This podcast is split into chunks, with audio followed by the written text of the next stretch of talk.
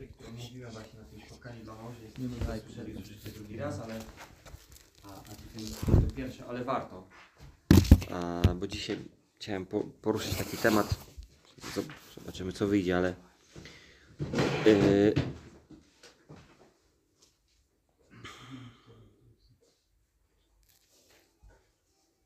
otworzymy Ewangelię Jana.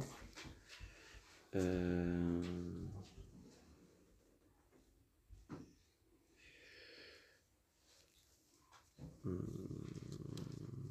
Ewangelię Jana sobie otworzymy.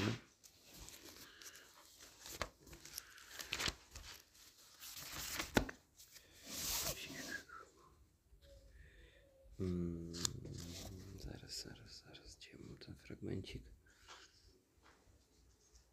Czy nie? To nie Wiana będzie, przepraszam Was. Mm.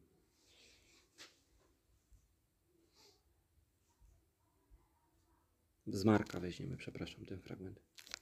Marka 11 rozdział 15 werset. E, Jest taka historia.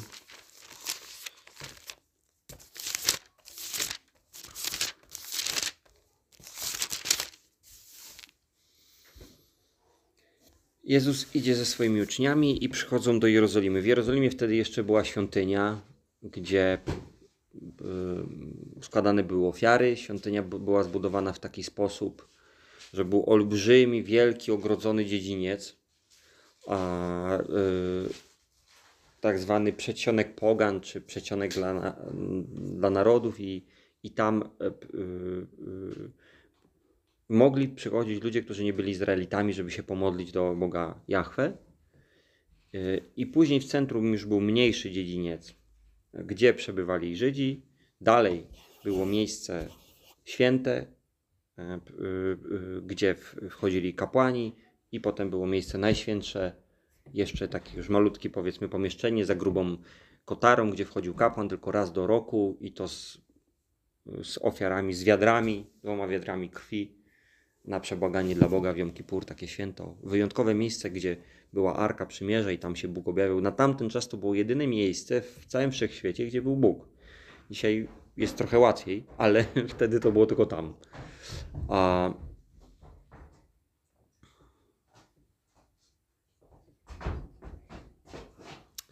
I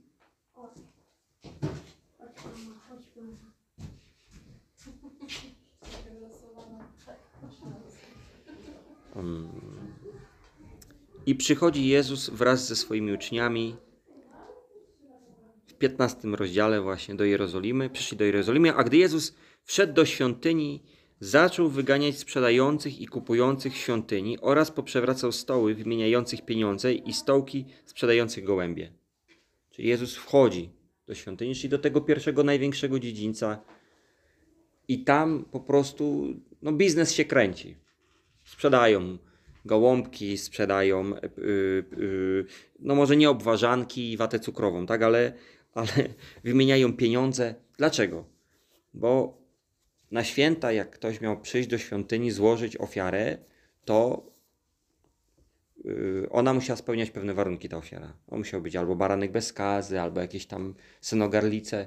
Wiecie, nie każdy był rolnikiem, niektórzy prowadzili sklepy, inni strony internetowe robili w tamtych czasach.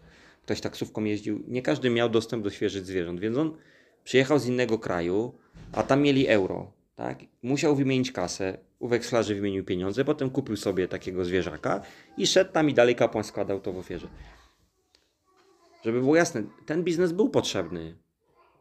Sam, sam, sami wekslarze i, i sprzedawcy tych gołębi a, a, nie, nie, nie były złe same w sobie. Do kultu świątynnego to było potrzebne. Problemem było, gdzie oni stali. Oni, oni stali w konkretnym miejscu, w którym stać nie powinni. Nie pozwo- I powywracał stoły wymieniających pieniądze i stołki sprzedających gołębie. Nie pozwolił też, żeby ktoś jakkolwiek, jakiekolwiek naczynie przeniósł przez świątynię i nauczał ich mówiąc, czyż nie jest napisane, mój dom będzie nazwany domem modlitwy dla wszystkich narodów. E, w Izajasza to jest napisane w 55 rozdziale, że świątynia, to miejsce będzie dla, domem modlitwy dla wszystkich narodów. I to miejsce, gdzie stały te stoły, sprzedawcy stali, to było miejsce, gdzie mogli przychodzić ludzie z innych narodów. Oni nie mogli wejść nawet tam głęboko w tą świątynię, nie mogli bezpośrednio wejść tak jak ten kapłan do miejsca najświętszego, ale mogli przyjść do świątyni, mogli spotkać się z Bogiem. A co zrobili wtedy ówcześni Żydzi? No, zastawiali tam stoły i wiecie, no ktoś tam przyszedł, chciałby się pomodlić, to jest tak samo jak wiecie, no my byśmy przyszli na nabożeństwo i chcemy się pomodlić, a przy okazji ktoś tutaj jednocześnie właśnie kręci watę cukrową, gdzieś tam dzieci mordę prują, bo jak chcę, jak chcę, jak chcę teraz watę, mamo kup mi, kup mi, nie? I my chcemy się modlić, uwielbiać, śpiewać dla Jezusa, a tu obok zaraz ktoś pieniądze wymienia, bo tam przyjechał ktoś i właśnie ma euro, a na złotówki potrzebuje zamienić. Jak w takiej atmosferze się pomodlić? Tak to wyglądało. Jezus się na to strasznie wkurzył. Mówi, to miejsce ma być do modlitwy. Ci, którymi wy pogardzacie, przychodzą tutaj, żeby się pomodlić. Jezus bronił w tej sytuacji nawet nie tyle, co samej świątyni. On bronił tych słabych, którym ówcześni wykształceni duchowo, najmocniejsi duchowo, nie pozwalali się pomodlić. I ta postawa Jezusa chce, żeby dzisiaj nas prowadziła w dzisiejszym nauczaniu. Żebyśmy zwrócili uwagę na słabych, a potem z tego będzie jakiś może wniosek. Zobaczcie Ewangelia Jana. Teraz sobie, dzisiaj będzie dużo wersetów, także fajnie. Ale, ale chcę pokazać tak przekrojowo postawę naszego Pana. Czwarty rozdział Jana. To jest naprawdę dosyć wczesny początek w ogóle działalności Jezusa w jego służbie. E, Tam się niewiele jeszcze zdążyło wydarzyć wcześniej. Był cud w Ganie Galilejskiej, gdzie wodę w wino przemienił. O, rozmawiał już w nocy z Nikodemem, czyli z faryzeuszem.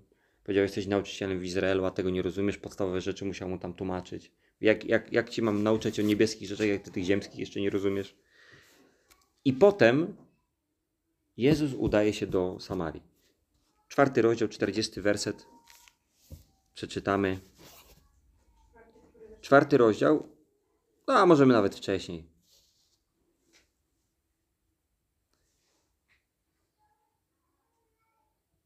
Trzydziesty dziewiąty werset. Wtedy wielu Samarytan z tego miasta uwierzyło w niego z powodu opowiadania tej kobiety, która świadczyła: Powiedział mi wszystko, co zrobiłam. Gdy więc Samarytanie przyszli do niego, prosili go, aby u nich został, i został tam przez dwa dni. I o wiele więcej ich uwierzyło z powodu jego słowa. A tej kobiecie mówili: Wierzymy już nie z powodu Twojego opowiadania, sami bowiem słyszeliśmy i widzieliśmy, że to jest prawdziwie Zbawiciel świata Chrystus. Słuchajcie, Jezus po prostu przychodzi i głosi Ewangelię Samarytanom, żeby było jasne, kim są Samarytanie dla Żydów. Samarytanie dla Żydów to byli gorzej niż. Mm, yy, mm, no i ciężko jest to przyrównać do, do naszego do dzisiejszego naszego światopoglądu. Yy, Ale powiedzmy, ktoś dość mocno kibicuje, yy, jest za ŁKS-em, jest powiedzmy fanem, rytualnie tam już spalił kilka flag Widzewa, no to dla niego Samarytanie to jest taki widzewiak właśnie, nie? Że po prostu mm, nawet więcej trzeba powiedzieć. Gdyby się okazało, że wasz sąsiad to jest e, wnuczek byłego, e, bu- nie byłego, wnuczek SS-mana. Albo wyobraźcie sobie, że wasz sąsiad to jest kuzyn e, kogoś, kto był, no nie wiem, oprawcą w czasie, y, mm, kiedy rosyjskie służby tajne mordowały polskie państwo podziemne. I dowiadujecie się, że między innymi waszego dziadka, babcie, wujka, ciocie, sąsiad i ten kuzyn razem tam mordowali. Tacy, tacy byli dla Żydów Samarytanie. To było dno dna. Po pierwsze, dlatego, że oni bardzo doktrynalnie odstawali od tego, co, um, w co wierzyli Judejczycy. Kiedy Izrael się podzielił na dwa państwa, na dwa królestwa, tak? Samary, Samaria stała się e, stolicą Izraela, czyli tych pozostałych pokoleń za wyjątkiem, za wyjątkiem Judy i Beniamina. Tak? W Judzie stolicą była Jerozolima. Samaria już za pierwszych królów bardzo ostro poszła w stronę bałwochwalstwa, pogaństwa, powrotu do kultów kananejskich, składania dzieci w ofierze, wielobóstwa. O, więc doktrynalnie Samarytanie no to było dno dna. No, Kościół katolicki przy Samarii y, to dla nas to, je, to, to jest najwyższy pułap duchowej czystości w porównaniu z tym, jak my powiedzmy, my tutaj święci protestanci, jaśnie oświeceni patrzymy na katolików, nie? To, to, to nie da się porównać tej przepaści. Między Żydami a Samarytanami była przepaść jak, yy, no nie wiem, jakimiś hinduistami może bardziej bym nas porównał, tak? I, I druga sprawa, że oni naprawdę, zdarzało się w historii Samarytanom, pomagać wrogom, żeby plądrować i mordować Judejczyków. Kiedy czytamy na przykład w Nehemiasza, Ezdrasza o odbudowie świątyni, Samarytanie byli po stronie wrogiej.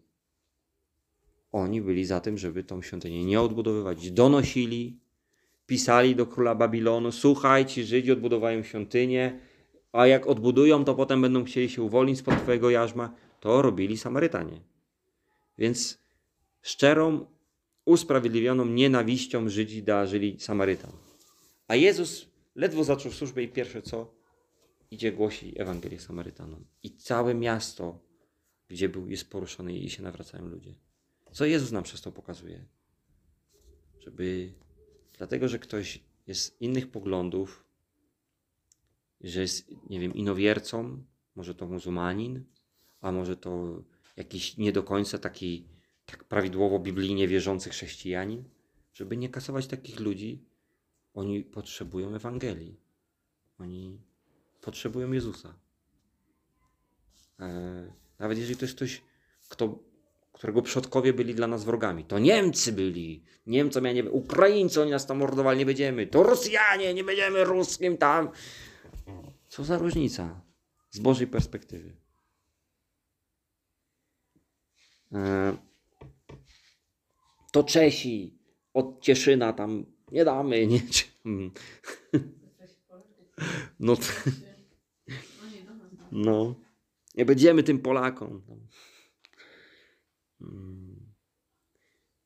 15 rozdział Mateusza pokazuje jeszcze coś. Ja teraz czytam akurat księgę Ezechiela. Jest tam takie, są fajne dwa rozdziały w księdze Ezechiela, Stary Testament. Ezechiel wypowiada się na temat dwóch miast nadmorskich, Tyr i Sydon. Kto z Was czytał Ezechiela, to może kojarzy, to jest tam okolice 28 rozdziału. Ezechiel opisuje, jakby mówi proroctwo nad całym miastem, Tyrem i Sydonem, żeby to było jasne, to były też miasta nie, nie należące do Izraela, tak? Że to, nie, to byli wrogowie Izraela. I on wypowiada sąd Boży nad tymi miastami, ale drugi kawałek tego sądu brzmi jak opis diabła. Ale normalnie możecie znaleźć 28 rozdział, przeczytajcie sobie Ezechiela. Tam jest naprawdę, że byłeś obok Boga, byłeś odziany w światłość, ale postanowiłeś się równać z Bogiem, wynosić ponad Boga, tak? Że chcę wam powiedzieć, że Bóg w swoim słowie przyrównuje króla Tyru do samego szatana. To pokazuje, na ile Tyr i Sydon były bardzo dalekie od, od Boga. Były wrogie, e, skrajnie zepsute. Ale właśnie możemy sobie znaleźć Mateusza, Ewangelię, 15 rozdział. Jezus tak sobie spaceruje, sobie tutaj chodzi, tam sobie przechodzi. Żeby to było jasne, to są dosyć długie odcinki. On nie chodzi, powiedzmy, nie wiem, na Piotrkowską od centralu do, do Kościuszki, tylko, tylko raczej dłuższe odległości. I w 15 rozdziale czytamy 21 werset. Potem Jezus odszedł stamtąd i udał się w okolice Tyru i Sydonu. A tak se poszedł. Do najciemniejszego z najciemniejszych miejsc. Jeżeli spojrzelibyśmy na Stary Testament, to porównuje króla tego Tyru do samego diabła. A on sobie akurat tam poszedł. W innym okresie to było. Tyr i Sydon, w, kiedy tam poszedł Jezus, był bardzo daleki od Boga. Zresztą historia dalej to tłumaczy. A oto kobieta kananejska, no Kanaan, czyli możemy, mówimy o wielobóstwie, nie, nie jehowistyczna, wyszedłszy z tamtych okolic, wołała do niego, zmiłuj się nade mną, panie, synu Dawida, moja córka jest ciężko dręczona przez demona. A Jezus tu mówi, no niespecjalnie jestem do ciebie posłany, niespecjalnie jestem zainteresowany, ale jednak jakoś się tam pojawił. Ona go prosi i potem czytamy 28 werset. Wtedy Jezus jej odpowiedział: O kobieto, wielka jest Twoja wiara. Niech ci się stanie jak chcesz. I od tej chwili jej córka była zdrowa. Uzdrowił. Nie, wiesz co? Musisz najpierw y, pójść na kurs alfa, a potem chrzest, e, potem do kościoła musisz pochodzić ze 3 lata. A, no i zobaczymy. Jak będziesz dawała dziesięcinę, kibel myła, no, yy, no to wtedy może uzdrowienie przyjdzie. Ale zobaczymy. Zobaczymy jeszcze. Zobaczymy, jak będziesz żyła. No nie tak zrobił Jezus. On się tam gdzieś nagle się gdzieś tam zapuścił w te okolice i zbieg okoliczności. Jezusowi nagle kobieta wychodzi na drogę. No myślisz, że Jezusowi się zdarzały zbiegi okoliczności? Jak Natanaela spotka i, i go wpada na, na drodze na niego mówi, ja cię już widziałem wcześniej, tam modliłeś się pod drzewem. Czy Jezusowi potrzeba było świadectwo człowieka? On sam wiedział, co jest człowieku. Chcę wam pokazać w tej historii. Kolejny raz Jezus nauczy, mamy być uczniami Jezusa. Nie róbmy granic. Tam, gdzie Bóg ich nie stawia.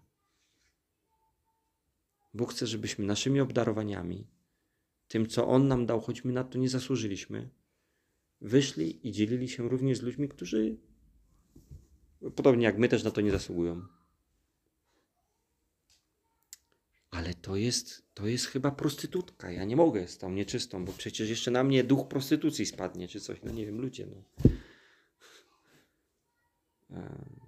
A to, czy Hela słucha, to też Helenko może być, że w szkole właśnie wszyscy negatywnie mówią. E, ona jest o jakiejś tam koleżance. Ona jest głupia, ona biedna, z byle jakiego domu, jak ona się ubiera, a już paznokcie maluje, a już coś tam. Co za różnica? Każdy potrzebuje poznać to, co Bóg nam dał poznać, że, że nas kocha po prostu i chce nas uzdrawiać. I nie trzeba spełniać żadnych warunków, poza jednym mu zaufać. To jest jedyny warunek do spełnienia. Wszystkie inne to jest dodatek. Ważniejszy, mniej ważny, ale dodatek.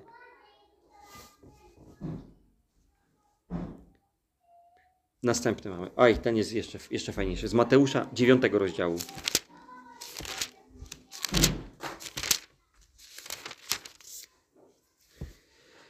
Dziewiąty rozdział, dziesiąty werset.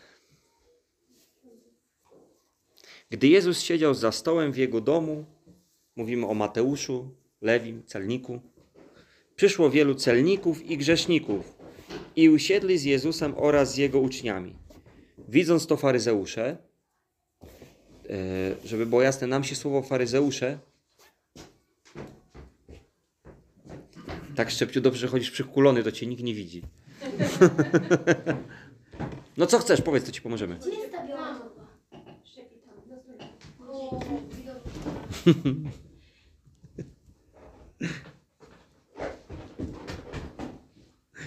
A,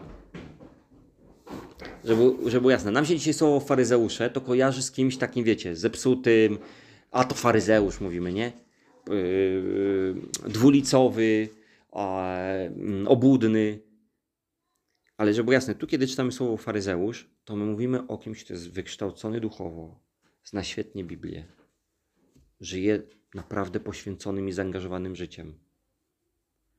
Faryzeusz to jest naj, top, najwyższy duchowy top, jaki pod faryzeuszami mamy dzisiejszych pastorów ewangelicznych, mamy pod faryzeuszami. Kiedy czytamy to w Biblii, ja nie mówię, że każdy pastor ewangeliczny to jest faryzeusz. Ja, ja, nie, nie, nie, nie, nie wyciągajcie takiego wniosku, ale Chodzi o to, że naprawdę w tamtym czasie, jeżeli ktoś chciał zapytać o coś z Biblii i jeszcze duchowego, że dzieje się, on, faryzeusze chodzili, wyganiali demony, modlili się uzdrowienia. To, to, to tam funkcjonowało. Nie z taką skutecznością jak, jak widzimy to wśród uczniów Jezusa i samego naszego Jezusa Pana, ale, ale jak najbardziej. Mm. Więc to byli y, oświeceni. To był ten kler. Wiecie, że kler to znaczy oświeceni, tak? Że parafianie to jest ciemnota, a kler to oświeceni. To oni byli tym klerem właśnie w tamtych czasach. I widząc to faryzeusze, czyli ci znawcy słowa, oświeceni, zapytali jego uczniów, dlaczego wasz nauczyciel jest celnikami i grzesznikami? A gdy Jezus to usłyszał, powiedział im, nie zdrowi, lecz chorzy potrzebują lekarza. Idźcie więc i nauczcie się, co to znaczy. Miłosierdzia chcę, a nie ofiary. Bo nie przyszedłem wzywać do pokuty sprawiedliwych, ale grzeszników. Jezus woła do grzeszników. On chce być w Twoich ustach tym, który woła do słabych, do grzeszników, do pogubionych. Nie do mocnych, nie do tych, którzy rokują, nie do tych, co. On mi się zdaje, że on by się nadawał. Odrzucić czy odebrać? A... Wiecie, ce- celnicy to też yy, no, to były takie yy, mm, żydowskie kapo po prostu, nie? Izraelici byli wtedy pod władzą Rzymu i oni ściągali pieniądze od swoich bra, bra, bra, braci, bratanków, pobratymców, nie wiem, no nieważne, tak, o, o, Współobywateli. współobywateli Izraela i Judy e, i dogadywali się i dostawali pensję od Rzymian. Naprawdę Żydzi nienawidzili taki, takich ludzi. No to jest, jeżeli w minimalny sposób możemy to przyrównać, to wiecie do kogo? Do, do tych kontrolerów w tramwaju. Jeżeli ktoś pracuje jako kontrol, to przepraszam, ale ja, ja, ja bardzo nie lubię dla mnie. Jak można mandaty wystawiać? No. 500 złotych? 509 jechałam tramwajem z tego. No jest coś takiego. Myślałam, że 200 zł. O, matko. O, ma, więc, więc słuchajcie, Bóg dzisiaj nas wzywa, żebyśmy Idźcie do celników. idźcie d- do kontrolerów, idźcie do kanarów. Głoście kanarom. Nie, że w takim sensie pokazuje to, że e, nawet ci społecznie nielubiani. A Jezus z nimi siedział przy stole i jeszcze inni grzesznicy, nierządnice, bo Jezus szuka chorych, jak uleczyć, a nie zdrowych.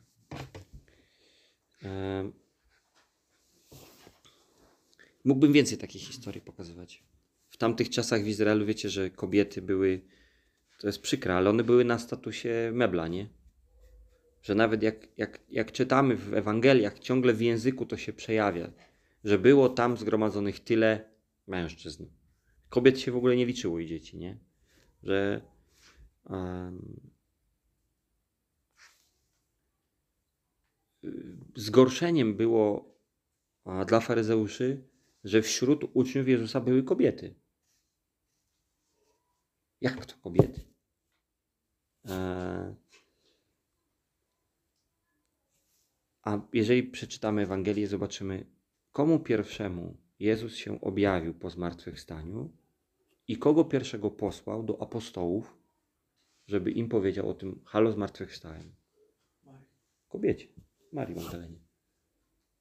Jezus, żebyście wiedzieli, to jest dosyć, dosyć wyjątkowe wydarzenie w historii wszechświata. Zmartwychwstanie Jezusa jest tylko raz. I może wybrać jedną osobę. Ma braci rodzonych, ma Piotra, skałę, ma 12 apostołów do wybran- wybrania. I wybiera Marię, a Magdalenę, z której wcześniej wyrzucił siedem demonów. Nie wtedy, jak się jej objawił, wyrzucił te siedem demonów, zrobił to dużo wcześniej, ale, ale, ale znaczy, że ona była opętana. Najpierw ją wyciągnął z rąk diabła, żeby potem wybrać, ty będziesz pierwsze, które się objawi po zmartwychwstaniu. Um, Marka 10, e, 13, 16 to jest, przeczytam wam w kontekście tego, jak my też nie mamy. 13. Tak, 10-13. I przenoszono do niego dzieci, aby ich dotknął, ale uczniowie gromili tych, którzy je przynosili. Gdy Jezus to zobaczył, oburzył się. Lubię to. Jezus się oburzył, był oburzony. No co wy robicie? No co to jest w ogóle? I na kogo się oburzył? Na apostołów. Tam Piotr, Jakub, Jan, filary kościoła. Jezus się na nich oburzył. Mówi, porąbało was? Pozwólcie dzieciom przychodzić do mnie i nie zabraniajcie im. I patrzy na Piotra, patrzy na Jana, patrzy na, na swoich najlepszych uczniów. Patrzy na tych naj, najwybitniejszych i mówi: Powiadam wam, kto nie przyjmie Królestwa Bożego jak to dziecko, nie wejdzie do niego. To mówi do swoich najlepszych apostołów, a potem bierze dzieci na ręce, na, na, na kolana i nakłada na nie ręce. Co znaczy symbol, wiecie, jak, jak Jezus na kogoś nakładał ręce i w Biblii widzimy nakładanie rąk, miało charakter ordynowania do jakiejś służby, udzielenia autorytetu. Jezus kładzie na, na dzieci ręce i mówi, macie autorytet. W obecności apostołów. Co nas uczy Jezus przez tę sytuację? Żeby mi, ty jesteś jeszcze za mały i tego nie zrozumiesz. Nie róbmy tak. Niech nie będzie za małych. A jeszcze za, kró- za, za, za krótko jesteś wierzący, to jeszcze tego nie zrozumiesz. Nie no, bo Biblii jeszcze nie przeczytałeś, to jeszcze... No do, jeszcze jesteś na tym etapie. Ja to rozumiem. Jezusa to oburza, takie podejście. Nie ma za słabych. A. To jest tolerancja w Bożym ujęciu. To jest tolerancja. Bóg chce, żebyśmy byli w tym sensie tolerancyjni. I żebyście wiedzieli, co jest najważniejsze w tej lekcji. E, Przez te różne historie, które Wam pokazałem, Jezus pokazuje, że On nie patrzy na to, co jest na zewnątrz człowieka, ale patrzy, co jest jego wnętrzu. Jezusa interesuje, co jest w Twoim i w moim środku. I co jest w środku tej osoby, której Ty opowiadasz o Jezusie. Tylko to go interesuje, nie na zewnątrz. Dlatego już nie będę Wam kazał otwierać, przeczytam Wam tylko Mateusza, 23 rozdział, 28 werset. Pokazuje jakby odwrotną sytuację, tak? Biada wam uczeni w piśmie i faryzeusze, obudnicy, bo jesteście podobni do grobów pobielanych, które z zewnątrz wydają się piękne, ale wewnątrz pełne są kości umarłych i wszelkiej nieczystości. Tak i wy, na zewnątrz wydajecie się ludziom sprawiedliwi, a wewnątrz jesteście pełni obłudy i nieprawości. Na zewnątrz faryzeusze wyglądali pięknie, ale właśnie byli jak, jak, jak nagrobki, które zostały właśnie pomalowane na biało. Bardzo ładny taki zielony cmentarzyk amerykański, widzę tam, wiecie, tuf, tuf, salwa, flaga, tom, doro, tam hymn Ameryki i, i te białe nagrobki tak ładnie wystają. Ale w środku jest trup. W środku jest trup. Je, Jezus mówi, nie patrz na to, co na zewnątrz, jak to na zewnątrz wygląda. Patrz, co tam jest w sercu. Nawet jeżeli na zewnątrz jeszcze jest pełno zamieszania jeżeli jest jeszcze brud, jeżeli jest niepoukładanie. Mateusza, szósty rozdział, a piąty werset. A gdy się modlisz, nie bądź jak ubudnicy, oni bowiem chętnie modlą się stojąc w synagogach i na rogach ulic, aby ludzie ich widzieli. Zaprawdę powiadam wam, odbierają swoją nagrodę. Ale ty, gdy się modlisz, wejdź do swojego pokoju, zamknij drzwi i módl się do twego ojca, który jest w ukryciu, a twój ojciec, który jest w ukryciu, odda ci jawnie. To jest kolejna lekcja, która nie mówi o tym, że mamy się modlić tylko zamknięci w pokojach. Tylko chodzi o to, żeby nie robić rzeczy na pokaz, nie robić rzeczy na zewnątrz. Kolejny raz Jezus nas uczy. Ważne jest, co cię motywuje, co jest w środku, co jest tam wewnątrz. Nieważne, jak ci wychodzi twoje życie modlitewne. Nieważne, czy modlisz się bardzo długo. Nieważne, czy jesteś mistrzem modlitwy już dwa tygodnie, nie przegapiłeś ani jednego dnia z modlitwą.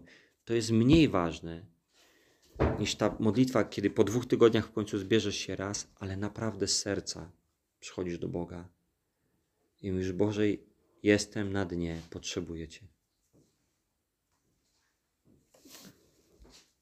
I mielibyśmy więcej takich historii. Zobaczcie, historia o faryzeuszu i o grzeszniku. Tak? Faryzeusz z przodu mówi: Ja Boże, poszczę dwa razy w tygodniu, oddaję Tobie dziesięcinę. Dziękuję Ci, jak nie jestem ten tam celnik, jakiś grzesznik. A ten z tyłu, grzesznik, bije się w pierś i mówi: Panie, bądź mi łaskawy. Jezus wydaje, osądza tą sytuację. Mówi: Ten z przodu, co się wynosi, będzie poniżony, a zbawiony będzie ten z tyłu, co się uniżał. A chociaż na zewnątrz wyglądałoby to zupełnie inaczej.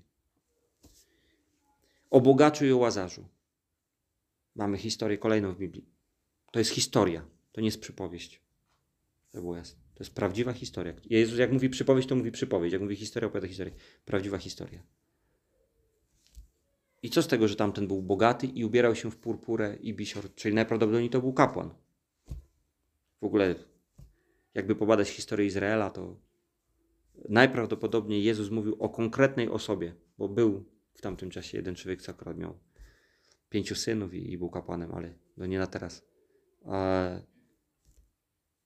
a wywyższony został łazarz, który był bezdomny, był biedny i owrzodziały, psy lizały jego rany. Ile razy w naszym życiu zobaczymy człowieka, który śmierdzi, jest niepoukładany, widać, yy, yy, i przychodzi taka myśl, no zasłużył trochę, tak se zapracował, to tak ma. Niektórzy zapracowali na swoją biedę, a niektórych bieda po prostu znalazła.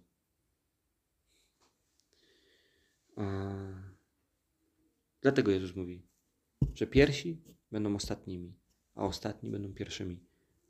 To, co widzą oczy, jest tak pozorne i mylne. Mamy patrzeć tak jak Bóg, do serca. Chodźcie, otworzymy. To już otwórzcie, bo chcę, żebyście, jeżeli macie Biblię, spojrzeli. Z 1 Samuela 16,7. To jest lekcja dla Samuela, ale myślę, że to jest też lekcja dla nas. I ona jest najważniejsza w lekcji o tym, co to znaczy biblijna, boża, duchowa tolerancja. Pierwsza księga Samuela, 16 rozdział, 7 werset. Lecz Pan powiedział do Samuela: Nie patrz na jego urodę, ani na jego wysoki wzrost, gdyż go odrzuciłem. Pan bowiem nie patrzy na to, na co patrzy człowiek, bo człowiek patrzy na to, co jest przed oczami, ale Pan patrzy na serce. Bóg patrzy na serce. Bądź uczniem Jezusa i, i patrz na serce. Zawsze patrz tylko na serce. Eee, kto jest Was największy, niech będzie Waszym sługą. Kto się wywyższa, niech będzie poniżony. Uniżajmy się do, do tych ludzi. Jeżeli widzisz, że tam w sercu jest, jest pragnienie, jest potrzeba uzdrowienia, uleczenia, jest szukanie. Nieważne, jak wspaniałe szaty to zdobią, albo nie zdobią. Praktyka. Ok? Chcecie, czy już wszystko rozumiecie, czy jeszcze praktycznych parę y, przykładów? Praktyka jest taka. Nie mów. A moi rodzice to powinni być tacy i tacy i tacy i tacy. A ludzie w kościele to powinni być tacy, tacy, tacy i tacy. A pastor to powinien być taki i taki. A dzieci w kościele, a dzieci to powinny w ogóle tak i tak robić.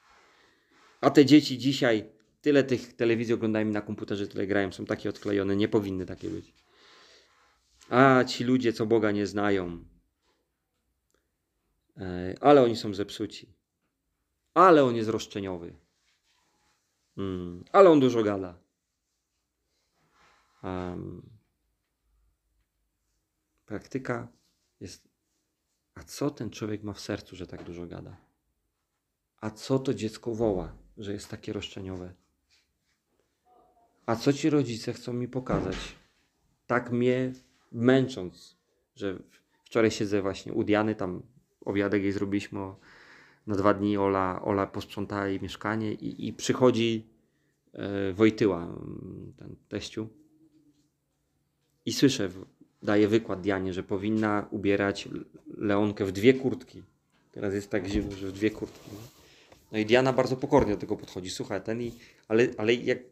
No słychać już napięcie w jej głosie, że chciałaby powiedzieć, tata, no weź się nie wpierdzielaj, to są moje dzieci, no jak będę chciała, żeby chodziły nago, to będą chodziły nago, no. Diana to dosyć pokornie znosi. Ale co jest w sercu tego rodzica, który każe zakładać dwie kurtki w tym momencie? Żeby to nazwać, bo czasami to jest pycha. I trzeba powiedzieć, dobra, dobra, już idź. A czasem jest troska. Kiedy ja odszedłem z kościoła katolickiego, spotkałem się z dużą falą sprzeciwu i prześladowania ze strony moich rodziców. Ale tylko część tej fali to był diabeł. Ja myślałem, że 100%. Ja nawet mojemu tacie w twarz powiedziałem, że ja wiem, że ty jesteś od diabła e, mm, i już w Biblii przeczytałem, że będę prześladowany. Zdecydowana większość to był ich strach i przerażenie. Bo oni absolutnie nie wiedzieli, gdzie my idziemy, co się z nami będzie działo. To było więcej niż tylko urażenie dumy ojców, zranienie wiary ojców. To była po prostu obawa przed tym, co się stanie z dzieckiem, nie?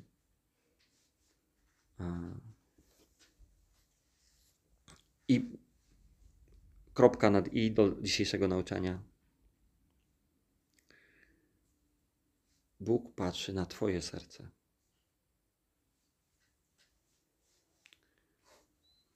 My dużo od siebie wymagamy. Przyjemnie dzisiaj w takich czasach tak szybkich, tak dużo się rzeczy dzieje i tyle informacji przez nas przebiega. Z tyloma rzeczami człowiek nie zdąży dojechać do domu, a już się porówna z pięcioma osobami. A Bóg patrzy na serce. I jeżeli znajdzie najmniejsze z najmniejszych ziarenek, jakie są na planecie, ziarnko gorczycy, wiary w Tobie, to już mu wystarcza. Dlatego Jezus mówi: Jakim sądem sądzicie, takim będziecie osądzeni. To jest lekcja. Nasz Pan daje nam lekcję, uczy nas.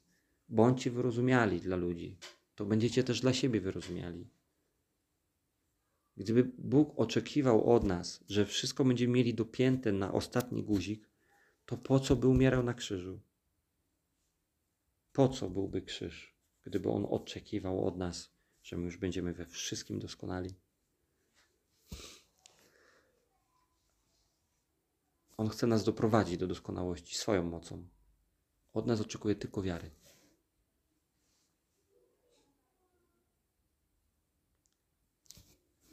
Dzięki Ci, Jezu, że Ty nas akceptujesz i przyjmujesz i znasz nasze serca. Wiesz, kiedy działamy jak faryzeusze, że na zewnątrz wygląda fajnie, ale w środku to jest po prostu nasze serce ma złe motywacje. I znasz te momenty, kiedy nikt nas nie rozumie, my sami siebie oskarżamy, ale w naszym sercu jest pragnienie Ciebie i Ty słyszysz to pragnienie i słyszysz ten głos. Ja proszę Ciebie dzisiaj w szczególności o każdą osobę na tym miejscu, żebyśmy nauczyli patrzeć się na siebie samych Twoimi oczami.